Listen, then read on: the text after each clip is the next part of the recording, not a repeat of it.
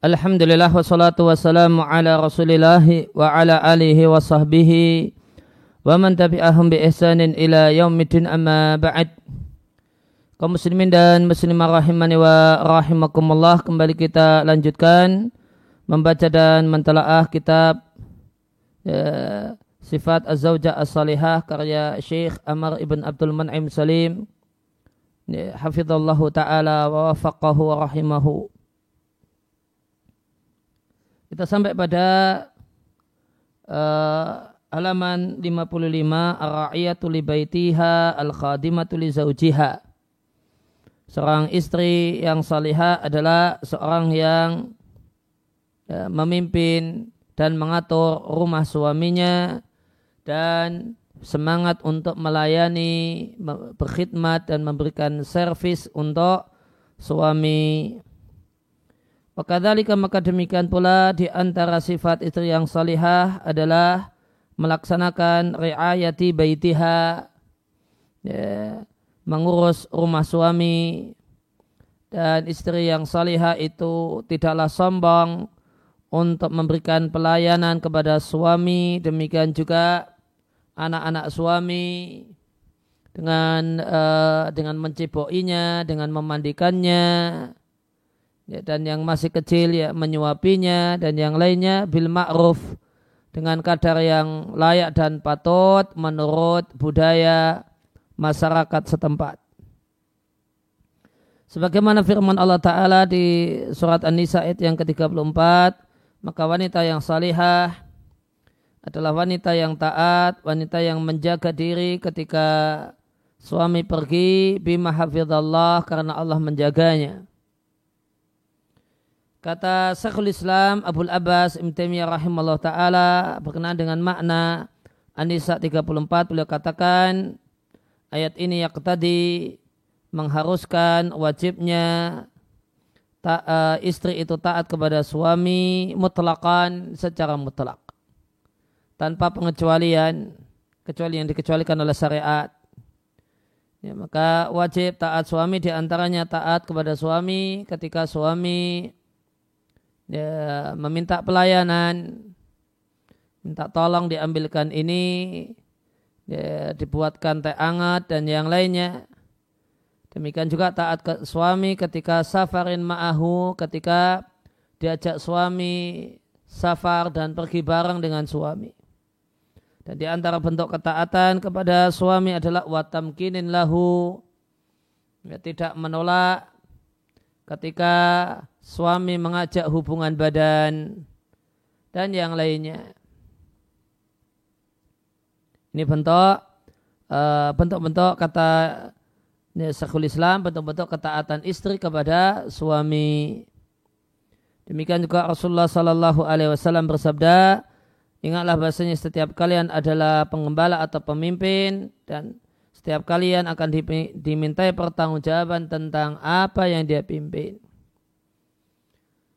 Wal mar'atu sedangkan seorang istri, seorang ibu itu ra'iyatun ala baiti ba'liha wa waladihi. Itu memimpin dan mengatur rumah suami. Apa yang perlu dilakukan supaya rumah suami itu terlihat rapi, terlihat bersih, itulah yang dia lakukan. Wawaladihi dan memimpin dan memanage anak ini anak suami ini yang mana yang mau dimandikan, mana yang disuapi, kemudian apa, kemudian apa. Wahia mas'ulatun anhum dan seorang istri, seorang ibu akan dimintai pertanggungjawaban tentang hal itu. Kemudian dibawakan hadis Asma binti Abu Bakar radhiallahu anhuma menceritakan tentang pernikahannya. Uh, hadis ini nanti akan kita, kita akhirkan membacanya. Ini karena akan kami baca dengan merujuk pada sarahnya. Maka selanjutnya di halaman 56 kutipan bahasan yang disampaikan oleh Syekhul Islam Taimiyah rahimallahu taala tentang hukum uh, istri melakukan kegiatan-kegiatan domestik atau kegiatan-kegiatan di dalam rumah nyuci kemudian masak dan yang lainnya. Apa hukumnya? Kata beliau rahimallahu taala tanaza'al ulama ulama berselisih pendapat apakah alaiha menjadi kewajiban istri untuk melayani suami? Semisal menghamparkan uh, fi misli firashil manzili ya, semacam eh, mengatur hamparan di rumah karpet ya, jadi ya, apa gulung karpet pasang karpet wa munawalati ta'ami wa syarabi wal khubsi dan menyiapkan makanan, minuman, contohnya roti, watahan menumbuk, wata'am dan makanan untuk budak suami, wabahaim dan hewan peliharaan suami. Makanan untuk hewan peliharaan semisal memberikan pakan untuk hewan tunggangan suami dan semacam itu. Faminhum mangkal, ada ulama yang mengatakan istri tidak wajib melakukan kegiatan-kegiatan rumah la tajibul khidmatu ya, tidak wajib uh, cuci piring, tidak wajib cuci baju, tidak wajib masak dan yang lainnya. Ini pendapat yang pertama. Wahadal qaulu da'ifun. Pendapat ini adalah pendapat yang lemah. Wakil pendapat yang kedua mengatakan bahwa sawabu wa huwa wasawabu dan inilah pendapat yang tepat adalah wujubul khidmati wajib melakukan aktivitas rumah. Alasannya fa'ina zauja sayyiduha fi kitabillahi. Karena suami itu disebut sayyid dalam Al-Quran. Tepatnya di surat Yusuf. Fa'alfaya sayyidaha ladal bab. Maka Yusuf dan Zulaikha menjumpai Sayyidaha suami Zulaikha atau Zalikha ladal bab di dekat pintu. Maka suami Imratul Aziz disebut dengan Sayyid dan Sayyid makna asalnya adalah pemilik budak. Maka ini mengisyaratkan wajibnya pelayanan. Wa ya'aniyatun indahu bisunnati Rasulullah sallallahu alaihi wasallam dan menurut sunnah atau hadis Rasulullah Sallallahu Alaihi Wasallam seorang istri itu aniatun seperti tawanan. Ingdahu ditawan oleh suaminya. Kemudian kata Syekhul Islam maka menjadi kewajiban tawanan, menjadi kewajiban budak ya, untuk memberikan layanan. Ini alasan yang pertama. Kenapa beliau kuatkan pendapat yang mengatakan wajibnya memberikan layanan karena sebutan untuk istri dalam Al-Quran dan hadis menunjukkan dan mengisyaratkan hal tersebut. Ya, suami disebut dengan Sayyid, kemudian istri di hadis disebut dengan Ania. Alasan yang kedua, li'anna dhalika huwal ma'rufu. Karena memberikan layanan itulah pergaulan yang baik maka bukalah pergaulan yang baik. Ya, istri cuma uh, mager, malas gerak, hanya baringan di tempat tidur sambil asik dengan uh, medsosnya, dengan dengan jajetnya, dengan medsosnya, dengan WA-nya dan yang lain. Serta suami sendirian sibuk masak di dapur, habis itu nyuci piring, habis itu nyuci pakaian, habis itu nyapu, ngepel, dan istri cuma ya, mager saja, malas gerak saja. Apakah ini suasa, apakah ini sikap yang ma'ruf? Ya, seandainya uh, terjadi demikian, mengikuti pendapat ulama yang mengatakan dia tidak punya kewajiban untuk memberikan layanan, semuanya wajib dilakukan oleh suami. Nah, dan betapa sangat beratnya jadi suami ketika dia punya kewajiban untuk mencari nafkah ya, beraktivitas di luar setelah itu pulang yang dilakukan ya, dilakukan adalah masak kemudian nyuci, uh, nyapu ngepel nyuci piring nyuci pakaian jemuri nyetrika dan seterusnya. Dalam keadaan istri ya, cuma mager saja di di rumah, ya, nyantai-nyantai, kipas-kipas, ya. kemudian suaminya berpeluh-peluh di, luar rumah dan di dalam rumah. Maka tentu ini ya, satu suasana yang sangat-sangat tidak nyaman.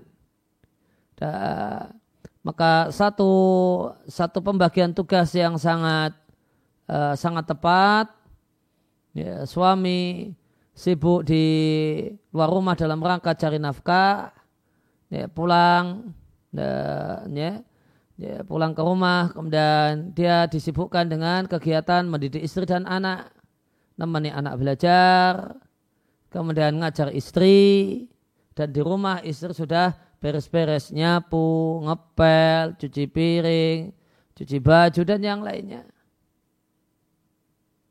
Oleh karena itu maka yang tepat adalah wujubul khidmah. Nah kemudian ulama yang mengatakan wajib istri itu memberikan pelayanan, mereka berselisih pendapat. Tumma min haulai, kemudian di antara mereka yang mengatakan wajib melakukan aktivitas rumah, ada ulama yang mengatakan tajibul khidmatul yasiratu. Ya, wajib memberikan layanan tapi yang ringan-ringan saja. Ya, nyapu saja tapi kalau ngepel enggak. Ya, ya, nyuci pakai mesin cuci tapi kalau nyetrika tidak.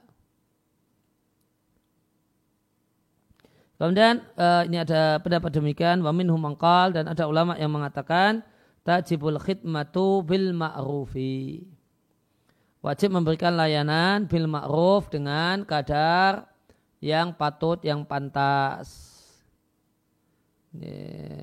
Yang patut dan pantas kalau mungkin tinggal di kota ya bentuk layanan yang pantas ya nyuci pakaian itu tinggal menggunakan mesin cuci. Ya, kalau di kampung pelosok ya, layanan yang pantas ya, menyuci pakaian ya nyuci manual. Maka yang pantas dan patut semestinya dikerjakan oleh seorang istri. Dan pendapat yang kedua inilah yang benar. Sehingga menjadi kewajiban istri untuk melayani suami dengan layanan yang ma'ruf yang layak, yang patut menurut tolak ukur budaya masyarakat. Yang patut dan layak min misliha untuk orang semisal istri dilihat dari status sosial, dilihat dari latar belakang ekonomi, limisliha untuk melayani seorang suami yang semisal suami itu dari sisi status sosialnya, latar belakang keluarganya, kekayaannya dan seterusnya. Maka pelayanan yang layak ya, bagi istri yang berasal dari keluarga kaya kepada suami yang juga berasal dari keluarga kaya itu boleh jadi layanan layaknya cuma bikinkan teh. Kalau masak urusan pembantu. Hmm. Ya, lainnya layak boleh jadi sekedar merapikan tempat tidur suami. Tidak sampai uh, nyapu dan ngepel. Oh itu urusan pembantu. Maka yang layak min misli halim mislihi. Untuk orang dengan semisal perempuan itu, semisal istri, limislihi untuk lelaki semisal suami. Ya, nanti demikian kalau background keluarganya adalah background keluarganya dan status sosialnya seperti itu. Lain hanya jika keluarga dari keluarga sederhana, dari latar belakang ekonomi sederhana, maka bentuk layanan yang pantas berbeda. Wa yatanawwa'u dzalika bitanawil ahwali dan itu uh, beragam sesuai dengan ragam kondisi. Maka orang yang tinggal di desa yang pelosok ya, itu pelayanannya tidaklah sebagaimana pelayanan orang yang tinggal uh, uh, khidmatil kurawiyah di kota wal khidmatul qawiyah jika istri itu fisiknya kuat maka pelayanannya beda dengan istri yang fisiknya lemah ya, kalau yang fisiknya lemah dituntut untuk memberikan layanan sebagaimana istrinya kuat ini bukanlah termasuk hal yang ma'ruf. Tindakan yang bijak, tindakan yang layak. Tindakan yang pantas. Nah, kemudian uh, Tadi saya janjikan kita akan baca hadis Asma binti Abu Bakar. Yang hadis ini diriatkan oleh Muslim dalam sahihnya. Maka saya akan baca hadis ini dengan mengacu pada sarah hadis Sahih Muslim Al-Bahru Al-Muhid As-Sajjad Sarah Sahih Al-Imam Muslim Ibn Hajjaj dari Asma binti Bakar binti Abi Bakrin As-Siddiq radhiallahu anha beliau mengatakan Zubair Az-Zubair menikahiku yaitu pernikahan Asma dengan Zubair itu terjadi di Mekah. Dan bahasanya Asma itu hamil hamil Abdullah bin Zubair ketika beliau posisi di Mekah. Meskipun Abdullah bin Zubair baru lahiran setelah Asma tiba di Madinah. Dan Abdullah bin Zubair adalah bayi muhajirin yang pertama. Nikah dengan aku dinikahi oleh Az-Zubair ibn Awam ibn Khuwailid. Wa malahu fil ardi min malin. Dan dia tidaklah memiliki di di tanahnya min malin harta yaitu harta yang banyak. Wala mamlu uh, wala mamlukin tidak pula memiliki budak wala syai'in tidak pula punya apa-apa tentang mimalin, salah satu makna min malin, malin artinya ibil, tidak punya onta, wala mamlukin tidak punya budak, selain kudanya. Namun punya kuda. Kemudian fakuntu a'lifu farasahu. Maka akulah yang mengurusi pakan kudanya Az-Zubair.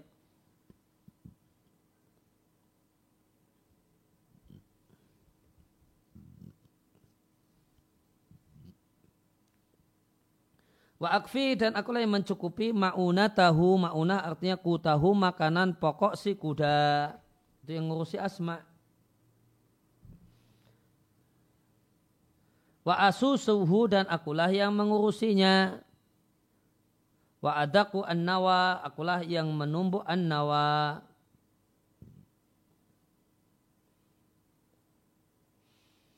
Ya, akulah menumbuk an-nawa yaitu biji linadhihi untuk ontanya Az-Zubair yaitu onta yang digunakan sebagai transportasi pengangkut air.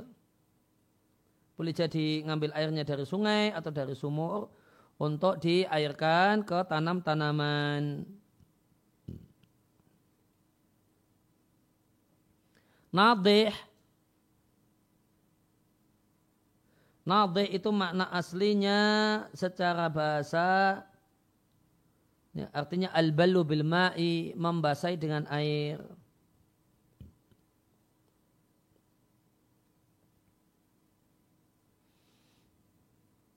Maka uh, unta ini disebut nadih karena dialah yang membasahi dahaga dengan air yang dia bawa. Kemudian uh, selanjutnya secara makna mengalami perkembangan nadih ditujukan kepada semua jenis onta. Wa alifuhu dan akulah yang ngasih pakan untuk onta tersebut.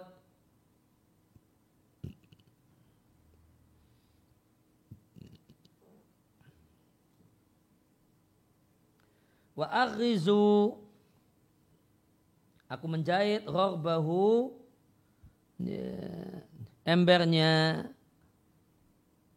Al-gharbu itu artinya ember besar. Ya, ember besar.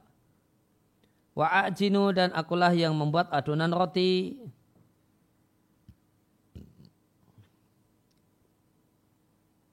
Walam akun yusinu dan aku tidaklah pandai akhbizu bikin roti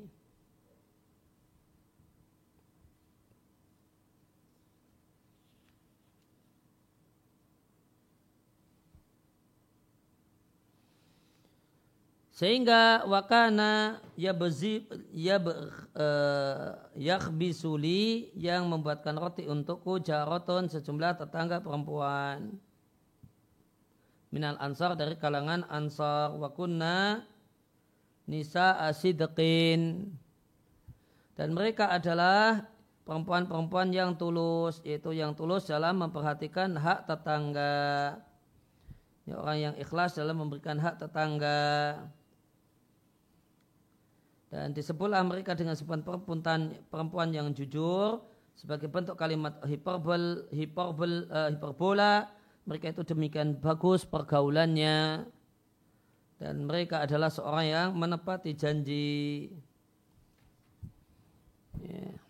Dan hadis asma ini lanjutannya kemarin telah kita baca di bab uh, menjaga cemburu suami di halaman 54 Uh, lanjutannya bisa kita buka.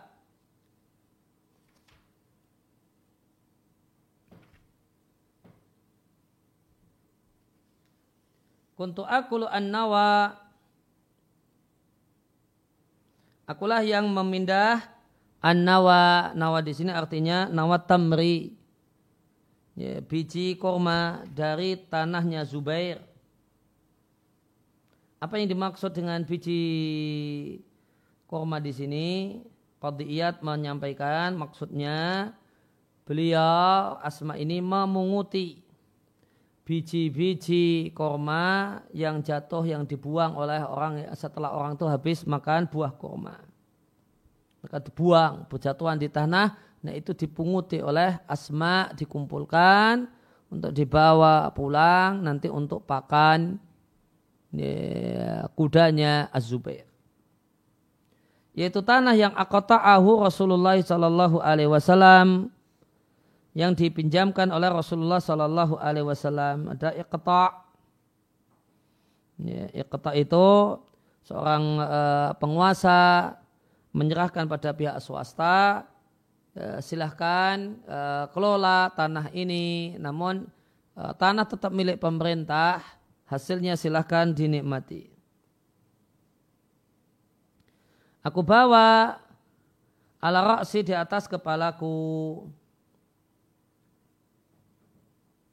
Ya aku bawa di atas kepalaku. Ala thulthai dan jarak antara tempat uh, munguti ya, di satu tanah di situ munguti biji-biji kurma sampai kurma itu jaraknya dua per tiga farsakh. Farsakh itu makna aslinya rohah, istirahat. Nah kenapa disebut demikian? Ya, satu farsa itu disebut farsa karena orang yang jalan satu farsa itu setelah dapat satu farsa biasanya duduk istirahat dulu. Nah berapa itu satu farsa? Menurut sebagian uh, peneliti kontemporer mengatakan satu farsa itu kurang lebih 5,54 kilometer. Lima setengah lah. Jalan kaki lima setengah. Tentu berangkatnya jalan kaki, pulang jalan kaki. 10, 11 kilo per hari. Itu yang dilakukan oleh ibunda, ya, dilakukan oleh Asma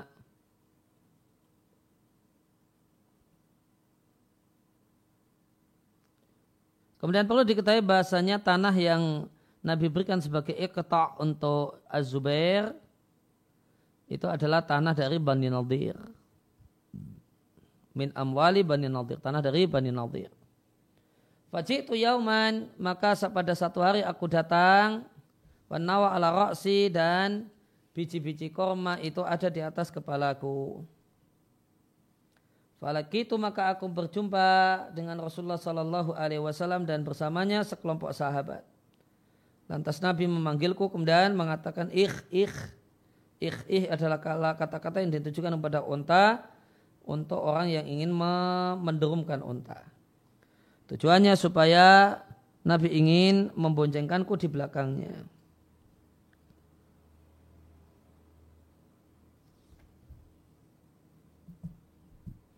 Wa araftu dan aku menyadari. Ya, maka kemudian fastahya itu aku malu.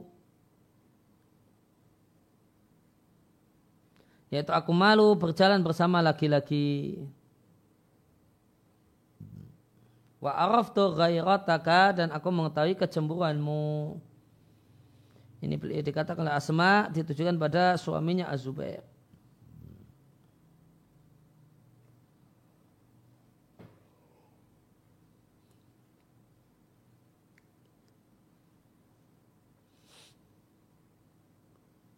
Fakal maka ya, Mbak Zubair mengatakan wallahi engkau memikul biji korma di atas kepalamu itu lebih berat bagiku daripada engkau berkendaraan ma'ahu bersama Nabi.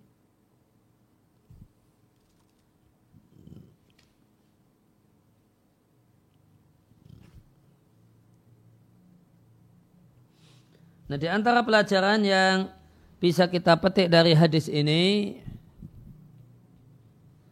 ya, hadis ini menunjukkan bahasanya istri melaksanakan semua semua layanan yang diperlukan oleh suaminya dan ini pendapat Abu Thawr.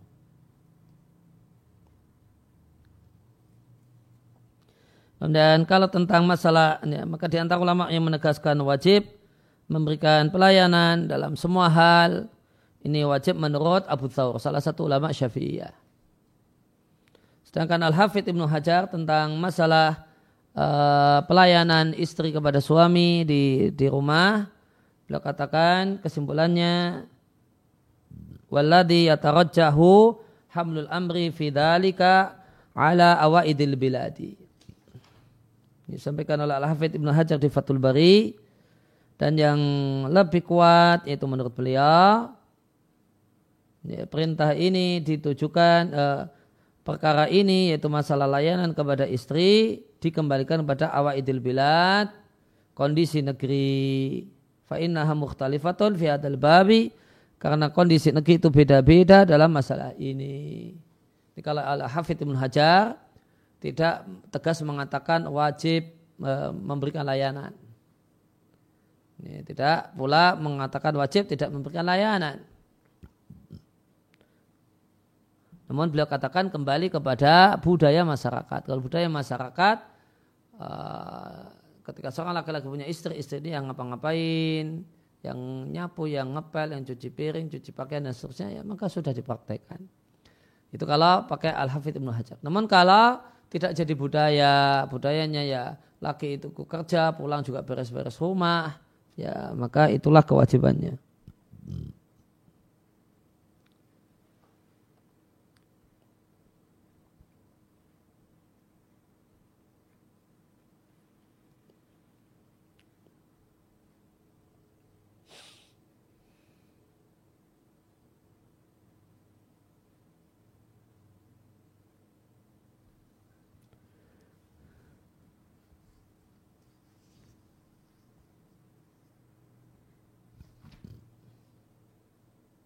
Ya di antara pelajaran dari dari hadis ini adalah perkataan Qadiyat Al-Malik rahimallahu taala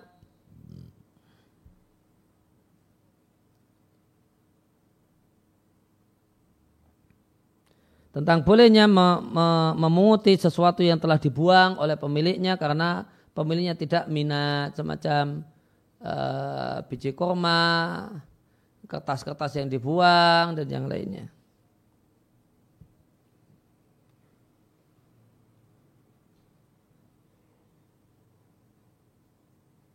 Demikian pula semua yang dibuang oleh para pemiliknya karena itu barang yang jelek. Ya, mimma yurafu anam tarakuhu rahbatan anhu dan kita ketahui pemiliknya sudah tidak lagi perhatian karena memang sudah tidak minat dengan barang itu. Maka semua maka benda-benda semacam ini halal untuk ya, dikumpulkan. Kemudian yang memiliki pemiliknya memilikinya.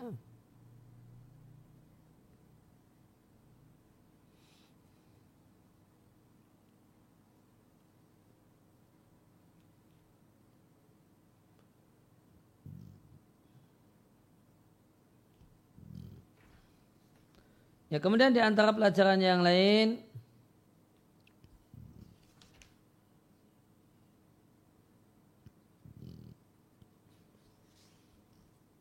Kata Qurtubi, ya, Zubair menikahiku dan dia tidak punya harta dan seterusnya. Ini menunjukkan maka nu alai min syiddatil hal fi alil amri. Para sahabat itu demikian susah di awal-awal Islam. Sehingga ini menunjukkan bahasa yang jadi tolak ukur, sekufu menurut mereka adalah agama dan sifat-sifat positif, bukan harta dan kekayaan.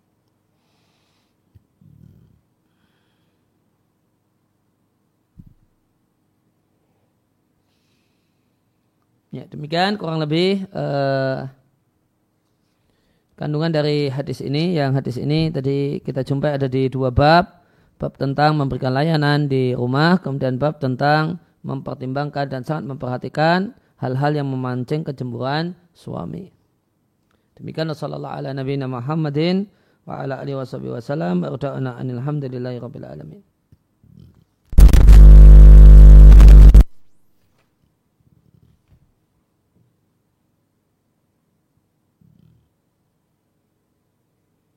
Ada yang tanya, Ustaz?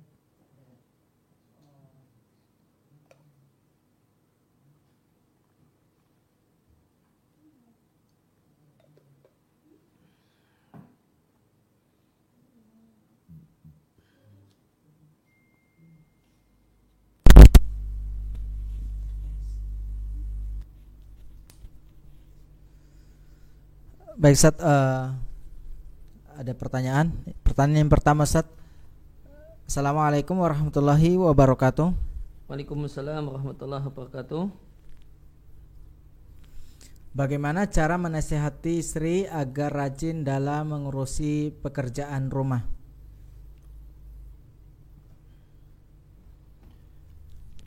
Ya, motivasi istri bahwasanya melakukan aktivitas rumah sehingga rumah jadi nyaman itu semua adalah aktivitas berpahala.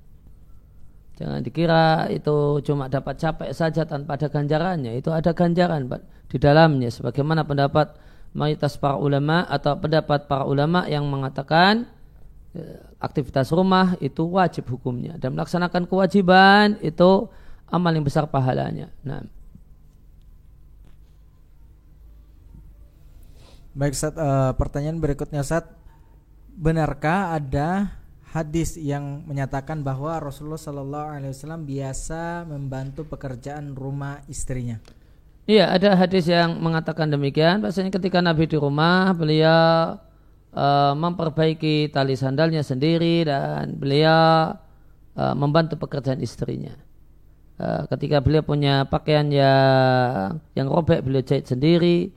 Tali sandal yang copot, beliau perbaiki sendiri. Demikian juga beliau bantu kegiatan dan aktivitas istri beliau. Nah. Baik yang berikutnya Ustaz. Assalamualaikum warahmatullahi wabarakatuh. Waalaikumsalam warahmatullahi wabarakatuh. Apakah salah satu tanda dari sholat istikharah kita baik adalah dengan rasa lapang hati, sedangkan jika tidak baik maka hati terasa sempit dan resah tidak nyaman. Uh, tanda istikharah yang pokok adalah mudahnya urusan yang diistikharahkan. Kalau urusan urusan nikah ya lancar-lancar itu tanda istikharah. Karena lihat, perhatikan doa istikharah. Ya, mudahkanlah ya Allah. Ya. Uh, jika memang itu baik, mudahkanlah. Jika itu tidak baik untukku, maka jauhkanlah. Nah, ini berarti Eh, menunjukkan apa tandanya yaitu dimudahkan dan di, uh, dijauhkan dan dibuat sulit. Nah. Baik Ustaz, uh, pertanyaan berikutnya Ustaz. Assalamualaikum warahmatullahi wabarakatuh. Waalaikumsalam warahmatullahi wabarakatuh. Ada seorang ayah yang menawarkan putrinya untuk dinikahi. Akan tetapi laki-laki yang ditawari ragu lantaran pihak perempuan sangat kaya sedangkan ia dari keluarga sederhana alias tidak sekufu. Mohon uh, nasihatnya untuk dan sikap yang terbaik. Uh, sekufu itu hak perempuan dan walinya. Seandainya uh, dia seandainya kita menganut pendapat ulama yang mengatakan ada sekufu karena faktor harta dan ekonomi, maka itu hak pihak perempuan dan walinya. Ketika mereka menggugurkan haknya, maka tidak masalah. Ya, meskipun kami sarankan untuk ke depan yang lebih baik, suasana rumah tangga yang nyaman, kalau posisi ekonomi itu terlalu kontras antara suami dan istri, terlalu timpang, maka itu biasanya susah, sulit untuk bisa terwujud keluarga rumah tangga yang nyaman. Kecuali si uh, si wanita memang telah siap untuk hidup susah Dan ini pun didukung oleh uh, atau di, siap untuk hidup sederhana dan ini didukung oleh keluarganya, oleh ayah dan ibunya. Dia ingin agar anak perempuannya terdidik dan terbiasa dengan hidup sederhana. Tapi kalau tidak demikian, maka uh, secara umum nih, ke depannya nanti suasana keluarga itu kurang bisa maksimal untuk nyaman. Kenyamanan akan terwujud ya. Kalau kurang lebih kondisi ekonominya sama. Nah, baik saat uh, eh, pertanyaan berikutnya saat Assalamualaikum warahmatullahi wabarakatuh. Waalaikumsalam warahmatullahi wabarakatuh. Afan Ustaz izin bertanya ketika nador jika akhwat memiliki bekas luka misalnya akibat kecelakaan motor apakah wajib memberitahukan ke ikhwannya? Ya, kalau bekas luka tersebut uh, sedikit, tidak kurang begitu terlihat, tidak mencolok, dan diceritakan tidak apa-apa. Tapi kalau uh, besar cukup mencolok, maka perlu diceritakan. Nah, ya demikian subhanaka Allahumma wa bihamdika asyhadu an la ilaha illa anta astaghfiruka wa atubu ilaik.